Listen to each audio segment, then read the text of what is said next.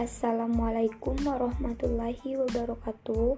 Perkenalkan, nama saya Yesa Putri Pratama, nomor pokok mahasiswa 2013-2010-30, Fakultas Ilmu Kesehatan, Program Studi Kesehatan Masyarakat, Universitas Muhammadiyah Bengkulu. Baiklah, di sini saya akan menjelaskan sebuah tema besar yang saya tarik tentang integrasi nasional. Yang pertama, saya akan menjelaskan tentang pengertian integrasi nasional. Integrasi nasional adalah proses penyesuaian dan penyatuan unsur-unsur kebudayaan Indonesia yang beragam hingga terwujudnya persatuan dan kesatuan bangsa. Integrasi nasional dapat disebut juga sebagai usaha dan proses pemersatuan perbedaan-perbedaan yang ada pada suatu negara sehingga terciptanya keselarasian dan keselarasan secara nasional dan juga bersatunya suatu bangsa yang menempati wilayah tertentu dalam sebuah negara yang berdaulat. Secara umum, integrasi nasional mencerminkan proses persatuan orang-orang dari berbagai wilayah yang berbeda atau memiliki perbedaan. Yang kedua, saya akan menjelaskan tentang strategi integrasi nasional. Strategi integrasi nasional merupakan penyatuan berbagai unsur dalam masyarakat berdasarkan aturan tertentu sehingga terjadi kesepakatan dan tujuan secara nasional untuk diwujudkan bersama. Dalam rangka mengupayakan terwujudnya integrasi nasional yang mantap, ada beberapa strategi yang mungkin ditempuh, yaitu 1. Strategi asimilasi, yang kedua, strategi akulturasi, dan yang ketiga, strategi pluralisasi. Ketiga strategi tersebut terkait dengan seberapa jauh penghargaan yang diberikan atas unsur-unsur perbedaan yang ada dalam masyarakat. Pengembangan integrasi nasional dapat dilakukan melalui strategi dan pendekatan yaitu gaya politik kepemimpinan kekuatan lembaga-lembaga politik ideologi nasional dan kesempatan pembangunan ekonomi. Yang ketiga, saya akan menjelaskan tentang pentingnya integrasi nasional bagi bangsa Indonesia. Integrasi nasional penting untuk diwujudkan dalam kehidupan masyarakat Indonesia, dikarenakan Indonesia merupakan negara yang masih berkembang atau dapat dikatakan negara yang masih mencari jati diri. Selain itu, integrasi nasional sangat penting untuk diwujudkan karena integrasi nasional merupakan suatu cara yang dapat menyatukan berbagai macam perbedaan yang ada di Indonesia. Yang keempat, saya akan menjelaskan tentang faktor-faktor integrasi nasional. Di dalam integrasi nasional memiliki berbagai faktor yang dapat memengaruhi integrasi nasional itu sendiri. Yang pertama yaitu faktor pendorong integrasi nasional. Satu, adanya rasa yang senasib dan seperjuangan yang diakibatkan oleh faktor-faktor sejarah. Dua, adanya ideologi nasional yang tercermin di dalam simbol negara yakni Garuda Pancasila dan semboyan Bhinneka Tunggal Ika.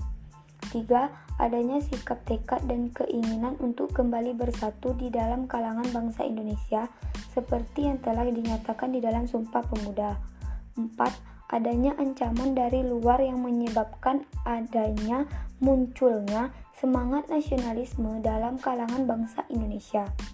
5 kesepakatan atau konsensus nasional dalam mewujudkan proklamasi kemerdekaan, Pancasila dan Undang-Undang Dasar 1945, bendera merah putih, lagu kebangsaan Indonesia Raya, bahasa kesatuan yaitu bahasa Indonesia, serta adanya simbol kenegaraan dalam bentuk Garuda Pancasila dengan semboyan Bhinneka Tunggal Ika. Selanjutnya, faktor-faktor penghambat integrasi nasional sebagai berikut. 1. Masyarakat Indonesia yang heterogen, beraneka ragam, dalam faktor-faktor kesuka bangsaan dengan masing-masing kebudayaan daerahnya, bahasa daerah, agama yang dianut, ras, dan sebagainya.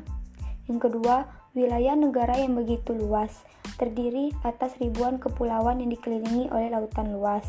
Yang ketiga, besarnya kemungkinan ancaman, tantangan, hambatan, dan gangguan yang meronggong keutuhan, kesatuan, persatuan bangsa, baik yang berasal dari dalam maupun dari luar.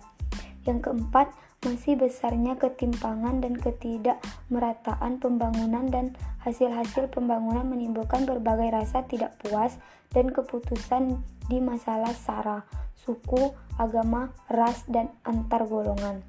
gerakan separatisme dan kedaerahan, demonstrasi, dan unjuk rasa. Yang kelima, adanya paham etnos, etnosentrisme. Di antara beberapa suku bangsa yang menonjolkan kelebihan-kelebihan budayanya dan menganggap rendah budaya suku lain. Dengan kepribadian bangsa, baik melewati kontak langsung maupun kontak tidak langsung.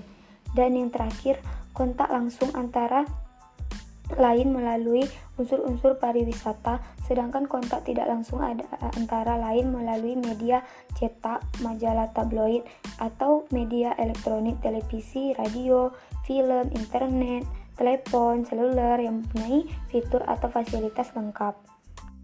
Dan yang kelima atau yang terakhir, saya akan menjelaskan atau menyebutkan tentang contoh-contoh pendorong integrasi nasional yaitu satu adanya rasa keinginan untuk bersatu agar menjadi negara yang lebih maju dan tangguh di masa yang akan datang. Dua, rasa cinta tanah air terhadap bangsa Indonesia.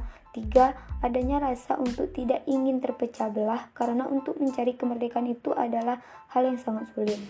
Empat, adanya sikap kedewasaan di sebagian pihak sehingga saat terjadinya pertentangan pihak ini lebih baik mengalah agar tidak terjadi perpecahan bangsa. 5. Adanya rasa senasib dan sepenanggungan. Dan yang keenam atau terakhir adanya rasa dan keinginan untuk rela berkorban bagi bangsa dan negara demi terciptanya kedamaian. Mungkin hanya itu yang dapat saya sampaikan sedikit banyaknya tentang integrasi nasional. Lebih dan kurang saya mohon maaf. Saya akhiri. Wassalamualaikum warahmatullahi wabarakatuh.